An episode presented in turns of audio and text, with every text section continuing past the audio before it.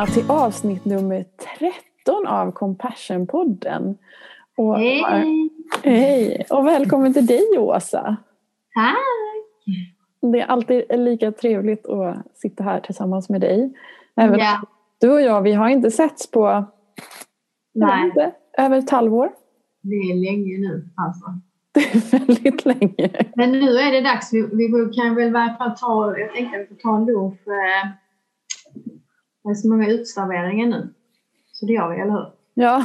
Vi behöver inte boka den tiden nu här när alla lyssnar, men vi gör det. Vi bokar en lunch i solen, okej? Okay? Ja. ja. ja.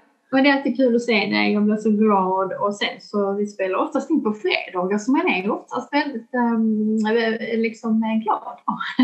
det är lite fredagspepp idag. Lite fredagsfeeling. Ja. Och idag ska vi prata om eh, tankar. Ja, ska vi göra. Vi ska vända och vrida lite på vad tankar är och eh, när de kan ställa till det för oss. Men också vad vi kan göra för att hjälpa oss själva med jobbiga tankar. Mm. Tankar, ja vi har ju väldigt många tankar varje dag. 70 000 tankar om dagen. Så det är ju ett ständigt chattande. Och en ständig liksom, våg av olika tankar som kommer och går hela tiden. Ja, vissa är mer hjälpsamma och vissa är mindre hjälpsamma. Mm, absolut. Mm. Jag tänker om vi skulle börja se det här, alltså vad är tankar egentligen och, och, och hur har vi fått det? Och, uh, det är ju rätt intressant att, att det är ju inte så jättelänge sedan som vi blev verbala, alltså vi människor. Uh, alltså att vi började um, forma språket och kommunikationen och därmed också inre kommunikation med ord. Tankar är ju liksom vår inre kommunikation, vad vi säger till oss själva eller vad ord inuti. Och där skiljer vi oss, det är ju bara vi som gör det, alltså uh, på den här planeten. Det är inte så länge sedan. Uh, jag tänker att det är en del av, av hur hjärnan har utvecklats. Ja. Alltså att den här delen vår, vår förmåga att, att tänka har, är en av de senare delarna av vår hjärna som har utvecklats. Ja, jag tror det, de säger att den kognitiva revolutionen, alltså kognition handlar ju om våra tankar, om minne, om liksom fantasi, föreställningar så. Eh, eh, och eh, det säger man ju att det är ju det är inte så länge, alltså 30 70 till 30 000 år sedan kallar man ju den här kognitiva revolutionen att innan dess så var vi ju faktiskt en, jag tror vi var åtta olika människosläkten på denna planeten som ser olika ut och, och neandertalare och dunfuls och ett litet släkte där från Indonesien som bara var en meter hög. Och alltså vi var ju, och då var vi liksom väldigt kan, vi såg olika ut men vi var, vi var lika, att vi kunde inte kommunicera på det sättet. Och så. Sen hände ju någonting med Homo sapiens som vi inte riktigt vet men eh, vi började kognitivt utvecklas och fick ett jädra övertag då ju. Alltså att vi kunde börja kommunicera och planera och bilda grupper och du vet ehm, eh, så att vi tog ju över hela planeten då. Så nu var vi Homo sapiens, det var ju det som hände då. Ja. Och med det här kommer också då förmågan att inte bara eh, kunna tänka men också vi kan ju tänka om våra tankar. Mm. Vi kan också tänka om andra människors tankar. Alltså vi har en föreställningsförmåga också där vi kan föreställa oss saker som inte har hänt. Mm. Eh, vi kan också föreställa oss vad, vad som pågår i andras huvuden. Och det här är ju ganska komplexa mentala eh, förmågor. Mm. Så det som gav oss den stora styrkan, liksom att vi kan eh, kommunicera, problemlösa strategier. Eh, eh hela det gjorde att vi skapade religion, kultur och samhällen. Alltså vi byggde upp större grupper, ledarskap. Eh, vi utvecklades enormt eh, där. Det är ju fantastiskt. Eh, med det. Men om man tänker i, i terapin så pratar man ju också om att bli medveten om vad det är för utmaningar med våra tankar och att mm, eh, våra tankar kan ju lätt ställa till det för oss, att vi kan hamna i depression och ångest och liksom med, med sämre livskvalitet och så. Um, för eftersom uh, de här tankarna är ju Um, alltså om vi skulle säga, vad, vad, vad, är det, vad skulle du säga Anette, vad, vad är liksom utmaningen med att ha en sån eh, hjärna som vi har? Och tankar? Alltså jag tänker just att, att, att, tankar är ju fantastiska. Vi, vi, kan, vi kan göra så otroligt mycket i vårt huvud. Alltså tankar, eh, vi kan ju ha jättespännande tankar. Vi kan tänka om vad vi ska äta till lunch till exempel. Eh, och, och eh, eller om vi ska göra något trevligt ikväll eftersom det är fredag, kväll, eh, fredag idag. Eh, så kan vi ha föreställningar om det som också skapar en skön känsla i kroppen. Eh, men precis samma fenomen kan ju också ställa till det för oss i att vi kan eh, skapa en idé om någonting hemskt som ska hända. Att när jag går ifrån från jobbet idag så kommer det eh, komma en bil och köra på mig. Och om jag, mm. Den tanken kan jag ju också befästa i mitt huvud. Och då kommer det skapa en annan känsla i mig. Mm. Så jag tänker på det sättet ju... kan det ställa till det för oss. Ja, absolut. Vi kan hamna i en massa antaganden och stories. Liksom. Så, och det som är utmanande där är att vår hjärna är ju tio gånger mer negativ än positiv. Eh, det är lite, vi har nämnt det innan i något, något avsnitt också. Liksom att, och det handlar ju om för att vi ska vara beredda på saker och så. Men det skapar ju ett enormt lidande för oss att, att den är så. Att den kan göra en massa antaganden om att att nu tycker den människan så eller nu är jag dålig på det eller alltså nu är jag inte tillräcklig där. Eller, och att, att um, så, så, så hela de här storiesen och antaganden är ju ständigt eh, en process som eh, kan skapa väldigt mycket lidande. Ehm, tankefällor är också sådana mönster som man kan se som man ofta jobbar mycket i KBT med, med att se att man har kanske vissa tankefällor som är dominanta för en. Alltså vanliga sådana kan vara generaliseringar. Alla andra, det är alltid så här. Mm. Um, vilket kan skapa väldigt mycket lidande och som inte alls behöver vara en sanning. Men som man kanske har hamnat i de fällorna och de kommer automatiskt. Man kanske inte ens lägger märke till dem och sen så eh, påverkar de ju en. Eller en annan vanlig tankefälla kan vara allt eller inget. Um, sådana här svartvita tankar som vi kan ha mm. där det är antingen svart eller vitt. Eh, som jag tänker också är ett litet uttryck för att, att, att vårt, eh, vårt hotsystem har dragit igång. Alltså typ att vi är lite i överlevnadsmode när vi börjar tänka i de här eh, extremerna. Alltså det är bra eller dåligt. Mm. Eh, svart eller vitt.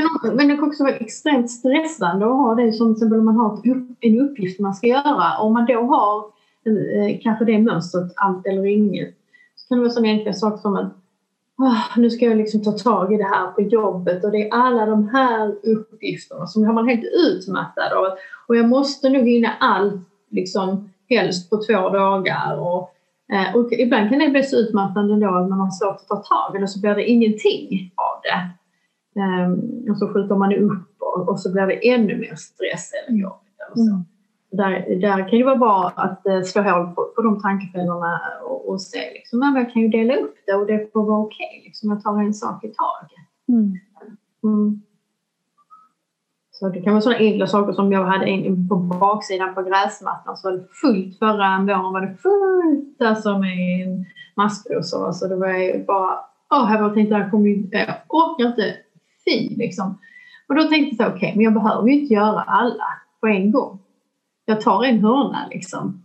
Och så jag sätter på musik i öronen och så tar jag en hörna. Och, och så gjorde jag en hörna och då var fine, jag har gjort det idag. Jag tagit en hörna. Sen satt jag där och tittade, gud vad fin den hörnan blev. Jag så nöjd med. Så såg man ju skillnaden ju. Och det motiverade mig att ta nästa hörna. Eh, nästa gång. Så att det är ju en stor vinst att slå hål på de här tankefällorna kanske bli medveten om. Det är också något sånt som man gör ofta i terapin, att se med terapeuten liksom. Vi ser ju ganska tydligt ofta tankefällor hos patienter så kan man hjälpa och belysa och förklara hur man kan jobba med dem. Mm. Och vi kan även ha lite svårare tankar, tänker jag, så det som man skulle definiera som tvångstankar. Mm. Eh, det kan ju vara tankar om att eh, jag kommer göra någon illa eller jag kommer göra mig själv illa. Mm till exempel. Eh, eller att något farligt kommer hända. Mm. Eh, och det tänker jag igen också kan, är ett uttryck för att, att det här det här med primala i oss har dragit igång. Mm. Eh, vårt hotsystem har dragit igång så att vi ser ett hot som kanske inte faktiskt finns. Men det har dragit igång av, i oss av någon anledning och det skapar också en massa tankar kring vad som skulle kunna hända. Så det kan vara liksom en, en, ett uttryck för stress. Eh, mm. absolut. Eller ett uttryck för att jag känner mig otrygg och inte helt okej. Okay. Men att det genererar väldigt, jobbiga tankar. Mm, om man har väldigt starka sådana katastrof eller tvångstankar och så, så ska man ju gå till en terapeut som är duktig på det med tvång. Mm. mm. Och det kan ju vara ett väldigt lidande i ens liv. Och så. Mm. Och typiskt när jag är väldigt stressad då kan jag, då kan jag ha mycket av de här katastrofstankarna. Eh, men också väldigt mycket av sådana mer självkritiska tankar. Alltså då kan jag tycka ganska illa om mig själv. Jag kan eh, tycka att jag är dålig på saker. Mm. Och det är en annan mm. form av tankar. De här själv... När man jobbar med compassion så det är ju ett mönster som man tittar mycket på. Eh, självkritiska tankemönsterna. Eh, var kommer de ifrån och hur liksom, kan man identifiera och se när de triggas och hur de styr en i sitt liv och sådär. Bli medveten om det. Och sen då som vi har fått att träna, om, träna på att ta in andra perspektiv eller ta in mer självmedkännande faser också. Eh, så en medvetenhet i, i, i de här eh, mönstren.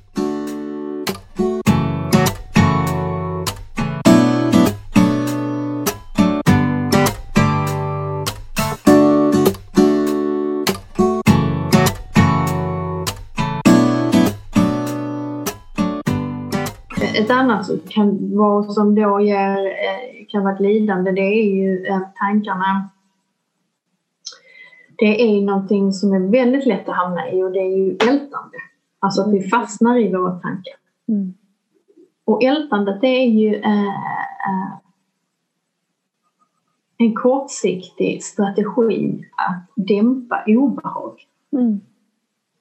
Så djupt mänskligt och någonting vi människor gör. Eh, tyvärr så leder det ju till att man får mer av de här tankarna. Alltså det blir mer, det liksom blir mer och mer. Hjärnan funkar så att det vi liksom tänker på det växer ju. Så det blir mer och mer. Och det är ett slut så är man fast i, som att man har liksom fastnat i, i och trasslat in sig i det här ältandet. Mm lite vi pratade om förra gången om ångest, att älta det ökar ju ångesten långsiktigt. Så det är också någonting man behöver eh, vara medveten om att ältandet gör man oftast när man är orolig eller stressad eller så, eller deprimerad. Och att det är ett sätt att kontrollera, men att träna sig på att släppa och gå ur ältandet är ju det som gör att man mår bättre. Mm. Och jag tänker att i ältandet finns det oftast en förhoppning om att om jag tänker den här tanken om och om igen mm. så kommer den att lösa sig. Så kommer det jag tänker på att lösa sig. Mm. Eh, så det, eh, men, så blir det inte riktigt. Nej, eh. det är en stor skillnad med liksom aktiv problemlösning och ältande. Det är två helt olika saker. Och då kan Problemet tänka... kan, kan vara att man kan ha kontroll på, på någonting, att man kan göra det och det och det och sen är problemet löst. Liksom man ser och identifierar det. Men många saker i livet kan man inte göra det med och då ältar man. Så att ältande är inte problemlösning. Nej. Det är många som tror det. Mm. Alltså, väldigt vanligt i terapin att man tänker att jag trodde det var en bra grej. Att jag gjorde det. Mm. Ja. Men det är ju det, direkt liksom kopplat till ångest och depression om man fastnar i det. Mm. Och sen har vi en annan typ av, av tänkande eh, som jag själv hamnar lätt i och det är ju det här med analyserande och intellektualiserande. Mm. Som ibland kan vara ett sätt att försöka undvika någonting, alltså kanske undvika att känna någonting, undvika att vara i min kropp till exempel. Mm. Ibland kan det vara bra att tänka så, vad är, alltså, hur är jag som människa? För att, för att detta avsnitt handlar om ta eh, tankar och vi tänker att nästa avsnitt ska handla om känslor. Ehm, och ehm, hur är jag? Är jag mycket uppe i mina tankar? Alltså, eh, har jag svårt att vara i mina känslor? Har jag svårt att vara i kroppen? Eller hur fungerar jag? Ehm, och, och, det kan ju bli obalanserat så att man är mycket uppe i sina tankar och intellektualiserar och Um, alltså tecken kan vara det bara, hur är det liksom så att man bara eh, mer har en, liksom, praktiska lösningar på allting eller att man ser liksom så att man eh, pratar om hur liksom, man, man nämner inte känslor eller går in i så här känns det för mig eller hur gör jag för att ta hand om känslan utan man är liksom hela tiden ovanpå det. Eh, och då kan det ju som du säger, då blir det ett undvikande. Ja, det kan vara lite skönt att få vara i tanken och inte känna. Ja, och det kan man ju vara också ibland, det är balansen vi är ute efter. Alltså använder man det som ett undvikande så behöver man ju titta lite på det och kanske på att vara mer känslor mm. och i kroppen. Mm. Ja. Och konsekvensen annars blir att man faktiskt inte kan hantera känslor. Alltså att det blir väldigt svårt för en. Just med om någonting händer, om vi säger självmedkänslan när, som handlar ju om när vi lider och någonting händer och så, så, så, så, kan man inte ta hand om den känslan då. Nej precis, att, att, att, det kan också ställa ganska höga krav på vår mentala kapacitet i det sätt, på det sättet att då för att hålla den här känslan borta så behöver jag tänka hela tiden. Alltså jag måste vara hela tiden sysselsatt. Jag måste hela tiden ha någonting som pågår i mitt huvud. Det är eh, också kopplat till sömnsvårigheter, eller hur? Mm. När vi är uppe i våra tankar så mycket och ältar och ältar och ältar så vaknar vi oftast sådär härligt vid tretiden, vid fyra så. Och, och whoop, så väcker hjärnan en, men du har du tänkt på det här? Bla bla bla, bla, bla, bla, bla. Och sen är man helt plötsligt inne i någonting igen som när man kanske sen är vaken eller går upp och tänker varför har jag legat och liksom haft massa hjälpande om detta? Det kan ju ändå inte lösa mitt Men det är ju för att hjärnan är så intrasslad i det så att det väcker den. Ja, det kan också leda till att man har svårt för att somna tänker jag. För man då har eh, ett behov av att hela tiden hålla igång hjärnan med en massa tankar. Och precis när vi håller på att somna då, då släpper man det lite. Och då kommer de här känslorna som man inte vill ha. Och så vaknar man till och så kan man inte mm. somna och så måste man tänka en massa.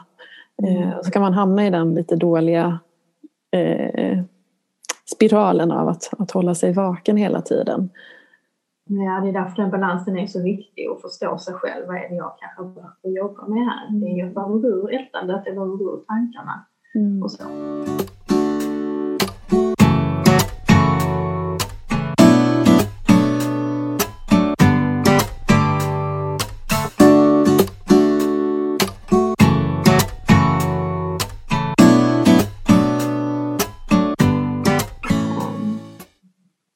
Jag tänker också liksom att om vi pratar om och, det, det, här är ju bara liksom ett kort poddavsnitt och, och det, det, det, här kan vara svåra saker. Alltså vi pratar om självkritiska mönster som man jobbar i med compassion-fokuserad terapi och så.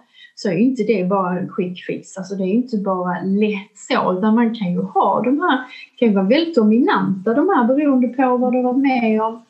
Um, uh, i uppväxt eller vi kan också få dem av ett prestationsbaserat samhälle, liksom i orimliga krav att vi blir självkritiska. Och har de satt sig dominanta, då känns ju de som en sanning. Mm. Då känner du igen dem, de har varit där länge med dig så. Och känns de som en sanning så kan det vara en utmaning att, att träna sig på att ta kanske in mer självmedkännande tankar, för då känns de som att de är fejk. Mm känns inte det känns inte alls bra och då överger man det. Men, problemet är att då fastnar man ju i som att tankarna är en verklighet. Mm. Så de här självkritiska tankarna är en verklighet och de är sanning och då är man fast där och då blir det svårt att göra någonting åt det. Så det är där jag menar att det, att det krävs ett jobb och det kan vara um, en utmaning såklart. Men om vi ser så här att, att fastna i negativa självkritiska tankar Eh, är ju inte hjälpsamt och funktionellt. Nej, och jag tänker att det är just när vi börjar tro på dem som någon form för verklighet. Alltså när vi inte ser funktionen i, tankarna utan vi börjar tro att de faktiskt är. Eh, att det här är sant. Det är då det blir problematiskt oavsett egentligen vad det är för typ av tankar. Eh, och ibland tar jag det här exemplet med en dagdröm till exempel. Vi kan ju ha ganska utförliga fantasier kring att vinna en massa pengar till exempel. Och det är en väldigt behaglig tankegång.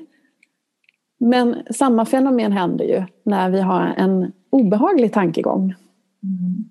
Eh, tankar och känslor och kropp hänger ihop. Ja, men det är samma fenomen i vår hjärna. Mm. Så det är ingen skillnad egentligen på en, en, en fantasi, alltså en dagdröm och eh, katastroftankar. Det är samma sak. Mm. Men den ena är vi helt övertygade om, alltså vi vet att vi inte har vunnit en miljon. Men det känns liksom, vad skulle jag göra? Hur glad hade jag blivit? Mm. Och det är när vi börjar tro på de här katastroftankarna mm. som det blir problematiskt till exempel. Ja, ja, hela kroppen blir ju påverkad. Stresshormoner och man spänner sig. Och, alltså, oro är ju kopplat till massa fysiska problem, precis som stress som vi har pratat om. Att man kan få magproblem och få huvudvärk och spänningar. Och, alltså det är massa saker som händer med oss, det är beroende på vad vi tänker. Precis. Alltså. Det är en viktig sak att förstå det att okej, okay, om vi har dominanta tankar som känns så, så behöver inte det betyda att det är hjälpsamt eller att det är verklighet eller att det är sanning. Eller så.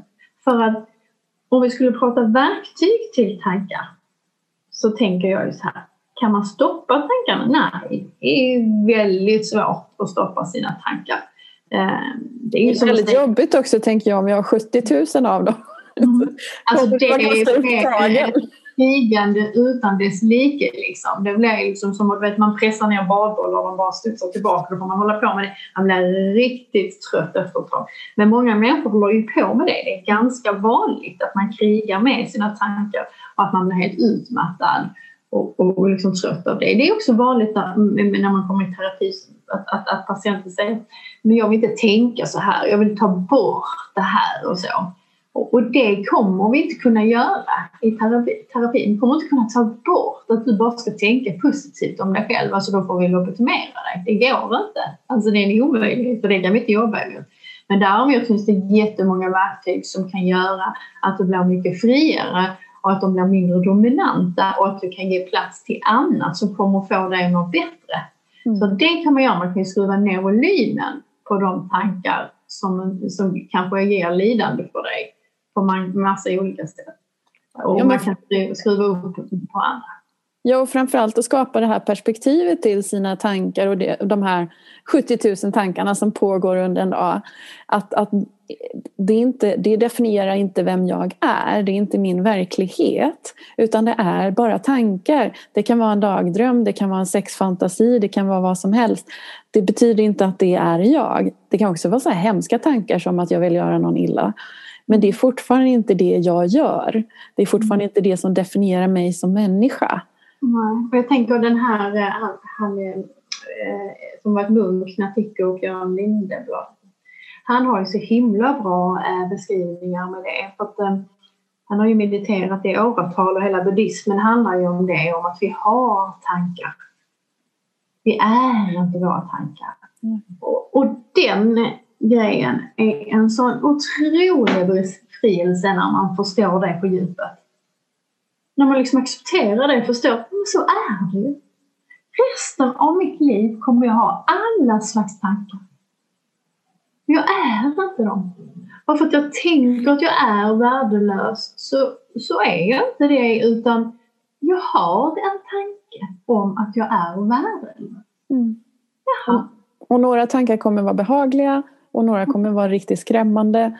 För mm. att det, de, de här tankarna lever lite sitt egna liv ibland.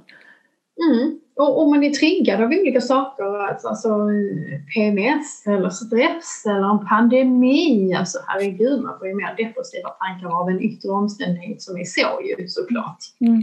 Och att kunna se det då är en sån otrolig befrielse och jag vet att det är en resa ofta, att det tar ett tag innan det landar. Mm. Men det är ju så det är. Du kan ha tankar om vad som helst. En del tankar såklart kan ju vara fakta, liksom att jag eh, ska, ska zooma med dig klockan tio. Liksom, så. Eh, mm. eh, men om jag skulle säga liksom att Åh, jag tycker den här pennan är ful. Eh, ja, det är ju bara en värdering jag har. Så du behöver inte vara sanning. Du kan tycka att blåa pennor är det finaste som finns. Så, mm.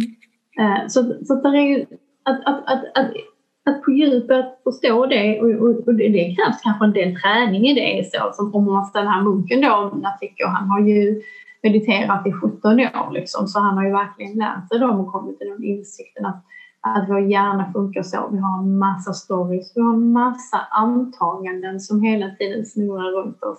Och det är en sån befrielse att acceptera det och kunna se vid lite sidan om att aha, nu tänkte jag att hon tyckte tycker att jag inte är bra på detta eller alltså så. Att, om man vågar nyfiket och väldigt närma sig det accepterande så blir inte det så läskigt längre och då blir inte det så styrande. Det är precis som vi pratar om känslor och ångest, alltså när man vågar närma sig det och titta på det väldigt så okej, okay, men nu tänkte jag så. För idag har jag mycket stresstankar. Ja, vad beror det på? Okej, okay, och där kommer ju självmedkänslan in. Hur kan jag hjälpa mig själv i det? Ja. Mm. Och, det kan bli lite spännande när vi börjar nyfiket utforska våra egna tankar. Så bara, oh, hoppsan, där kom, där kom en sån tanke. Vad intressant. Vad, vad tänker jag? Varför dök den upp just nu? Vad handlar ja. det om? Det blir ganska intressant utforskande av sig själv också. Så, som kan ge mm. väldigt mycket spännande insikter om sig själv också. För som, det är precis som du säger, att vi har de här Alltså ibland tänker jag på det som nästan eh, eh, ett kassettband som bara kör om och om igen av samma typer av tankar. Det kan ju vara jag är värdelös, jag är ful mm. eller något sånt där. Och det står liksom på repeat. Men man bara, aha, nu dök de där tankarna upp igen. Och ännu bättre om vi kan ge dem en liten etikett också. Ja, nu kom de där självkritiska tankarna upp igen. Eh, vad intressant. Hur kommer det sig att de kommer upp just nu? Mm. Och sen kanske man då också kan koppla det till kroppen. Mm. Hur känns det i kroppen just nu? Varför tror jag att den här självkritiska tanken kommer nu och inte mm. någon annan gång? Är det någonting som det, händer just, det, du beskriver, det du beskriver är ju en process och det är också substans i det. Att det håller jag på med hela tiden. Det är, liksom, det är inte så att jag bara check, nu kan jag hantera det och, och nu behöver jag inte tänka mer på det. Utan acceptansen ligger i att det är en observation, man lägger märke till och, och, och så. Det är, en, det är en livsstil helt enkelt. Att, att göra så, eller hur? Mm. Um, och det där är hela den mindfulness-biten som vi pratar i, i, ett avsnitt ju, med medveten mm. närvaro som är ett otroligt verktyg. Det är därför alla psykologer vill eh, jobba med det, med att få in det i terapin och därför det är så pass eh, stort inom terapin också. Att, att det är ett verktyg till att lägga märke till. Alltså observation är ju huvudsyftet med medveten närvaro. Och i observationen så blir man ju medveten då om vad är det för tankar jag har.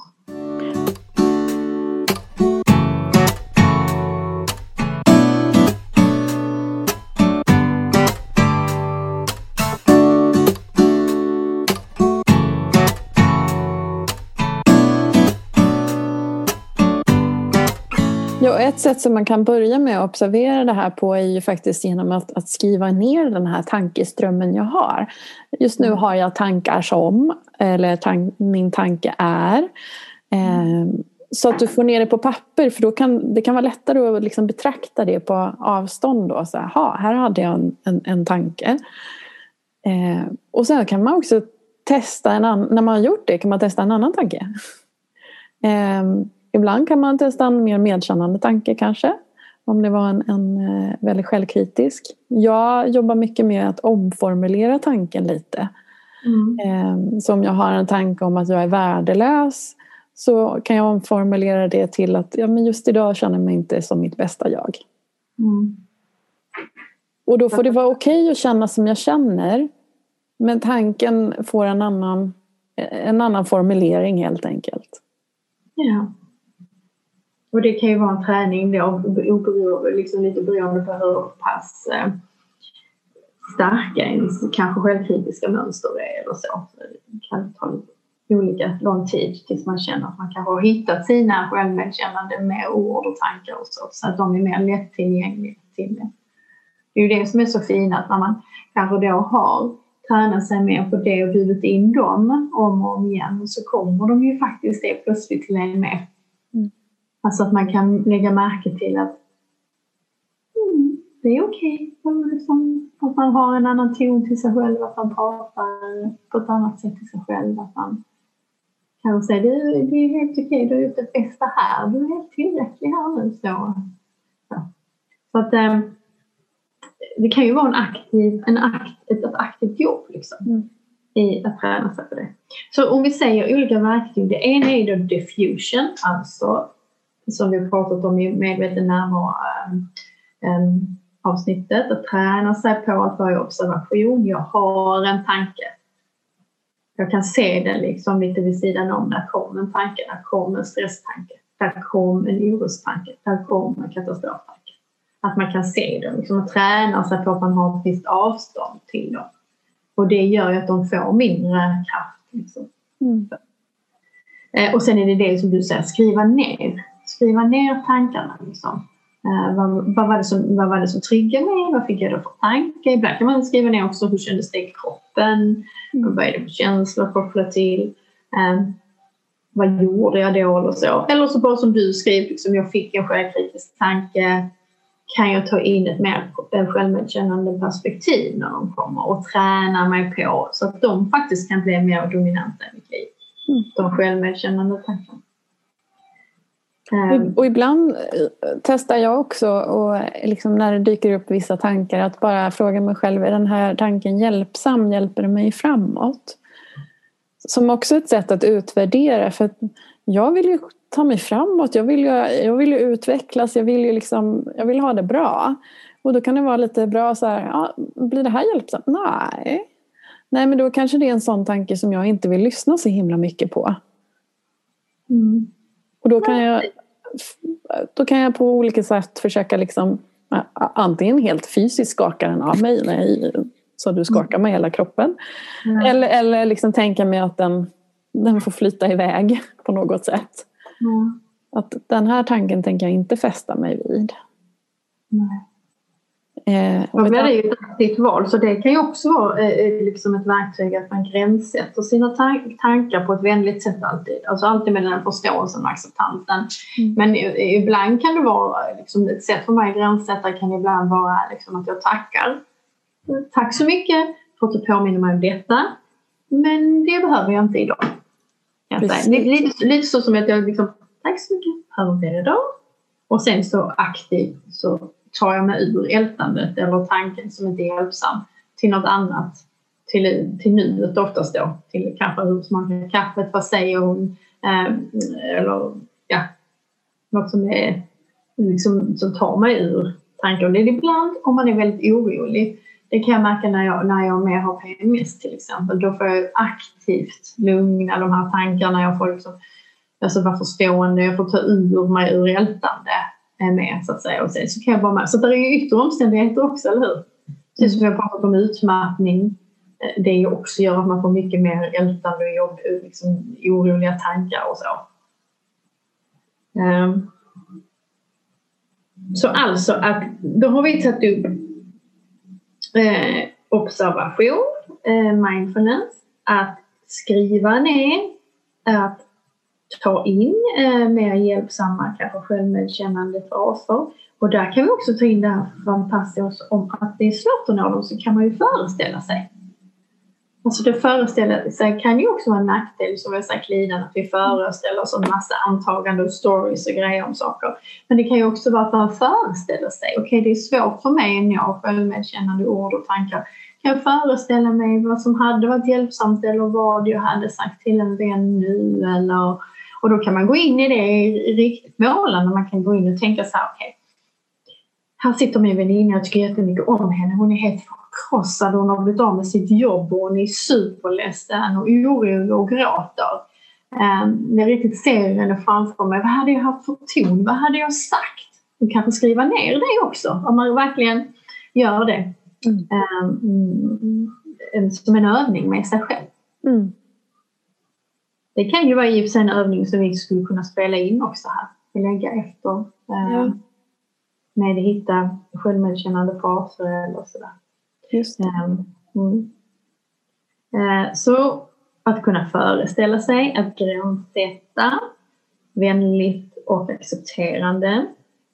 Skriva ner, ta in perspektiv.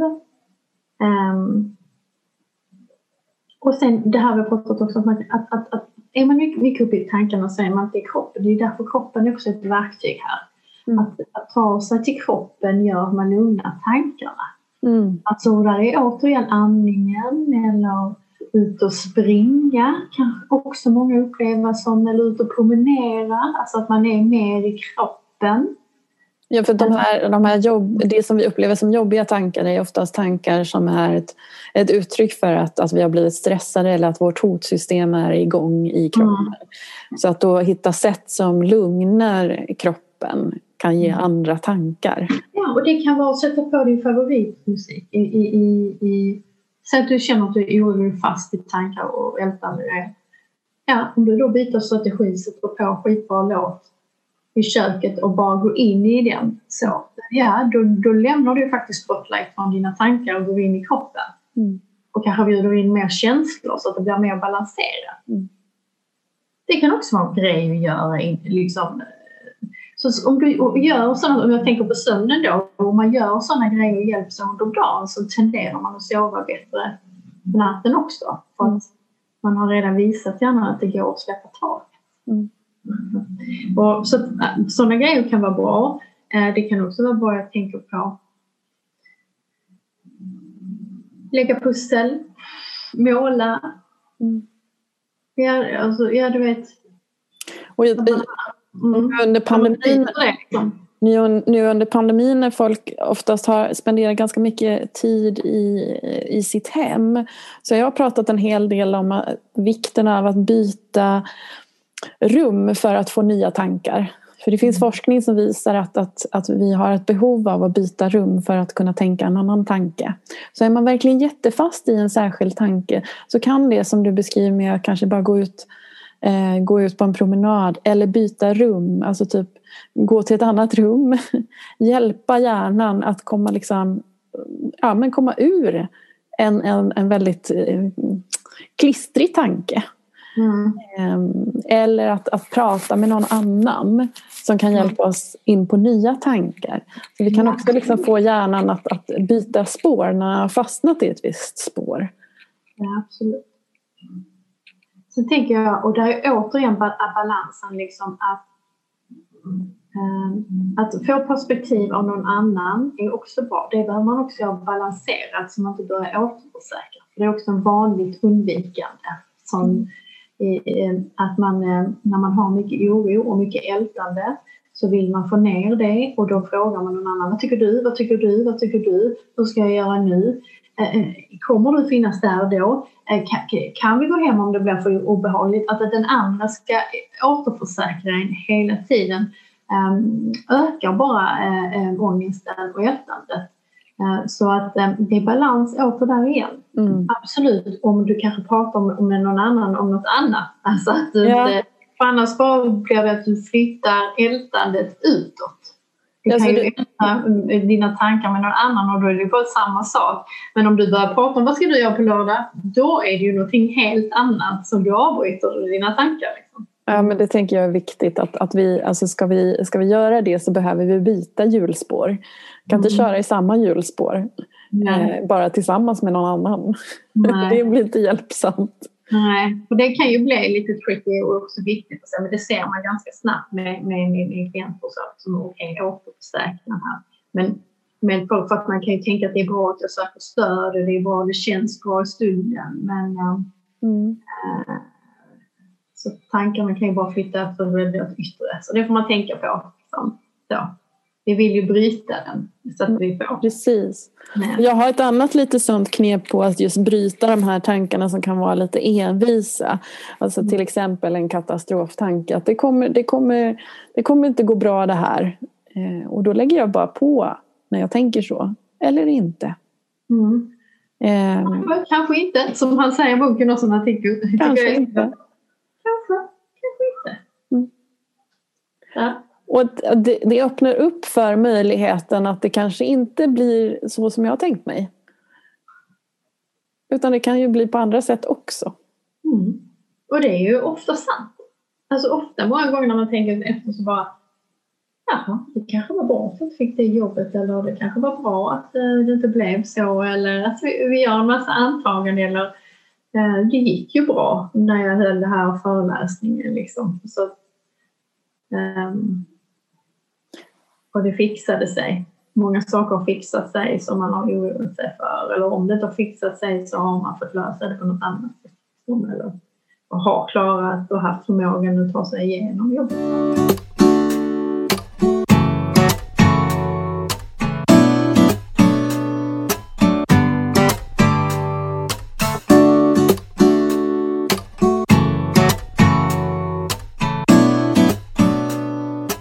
Jag tänker att lite det som, som eh, ligger i att ha ett mer accepterande och medkännande förhållningssätt till sina tankar handlar ju faktiskt om att, att, eh, eh, in, alltså liksom att validera dem. Alltså att det är okej okay att ha en tanke. Så vi tänker att att det är okej att ha tankar, det är okej att det kommer många tankar, det är okej att de är av olika eh, karaktär och natur. Det är inte så att vi ifrågasätter dem och säger nej, det är inte okej. För då tenderar vi på att bli väldigt dömande och kritiska mot oss själva och det är ju in, det är inte heller det hjälpsamt. Så att jag tänker att, att det är också viktigt att komma ihåg att, att ja, men vi har otroligt många tankar eh, och några av dem är helt vansinniga. Mm. och några av dem kommer att vara fantastiska. Men det är okej, vi har många tankar. Mm. Och det är det här validerandet, ja, jag har en tanke. Så, mm. För ibland så Vissa klienter de, de tänker sig jag ska inte tänka så här. Jag ska inte ha den här tanken. Och då går vi liksom lite, lite in i krig med oss själva. Och, och, och det blir inte heller hjälpsamt för det drar igång vårt stresssystem ännu mer. Mm. Och då kommer vi ha ännu mer av de här jobbiga tankarna. Mm. Så vi hamnar i en ganska negativ loop. Så vi krigar inte med våra mindre önskvärda tankar utan vi accepterar att de finns där och så ser vi om vi kan hitta någonting annat som vi vill fokusera på. Mm. Absolut, och sen tänker jag att man kan, man kan ju eh, utforska själv med sig själva vilka verktyg funkar för mig när tankarna ger mig ett lidande. Liksom så. så att, eh, jag önskar så att det hade funnits på schemat detta. Jag har sagt det innan också, men varför finns inte det? Mm. Ska man bara veta det här om sig själv. Liksom. Mm. Och det är ett sånt pass stort lidande och det är så kopplat till, till um, alltså, psykisk ohälsa. Mm. Så. Och där är ju självmedkänslan så fantastisk. Liksom man märker ju det. Jag, jag, jag tänker ju bara som nu Eh, Eh, om vi skulle ge lite exempel på vad vi kan jobba med, vad vi, hur vi själva använder det i, i, i livet och så. så. Just nu har jag haft en period som jag har väldigt ont i axeln och strul med den. Ehm, och inte sovit och hela den biten. Och där kan jag ju se hur, hur pass det har hjälpt mig att förstå att jag får mer stressade tankar nu. Jag får mer liksom, för att hela smärta gör så hela hotsystemet går igång. Ehm, det blir mer negativa tankar. Och hur jag bara kan hjälpa mig själv där eh, med att ta in mer förståelse till mig själv. Både i liksom yttre, på yttre sätt, alltså i beteendena. Alltså självmedkännande yttre beteende mer liksom att eh, okej, okay, jag drar ner på takten, jag behöver liksom komma kontakt med läkaren, jag behöver gå ut och gå, jag behöver göra vissa rörelser, jag behöver vila mer, jag behöver, alltså sådana saker. Mm.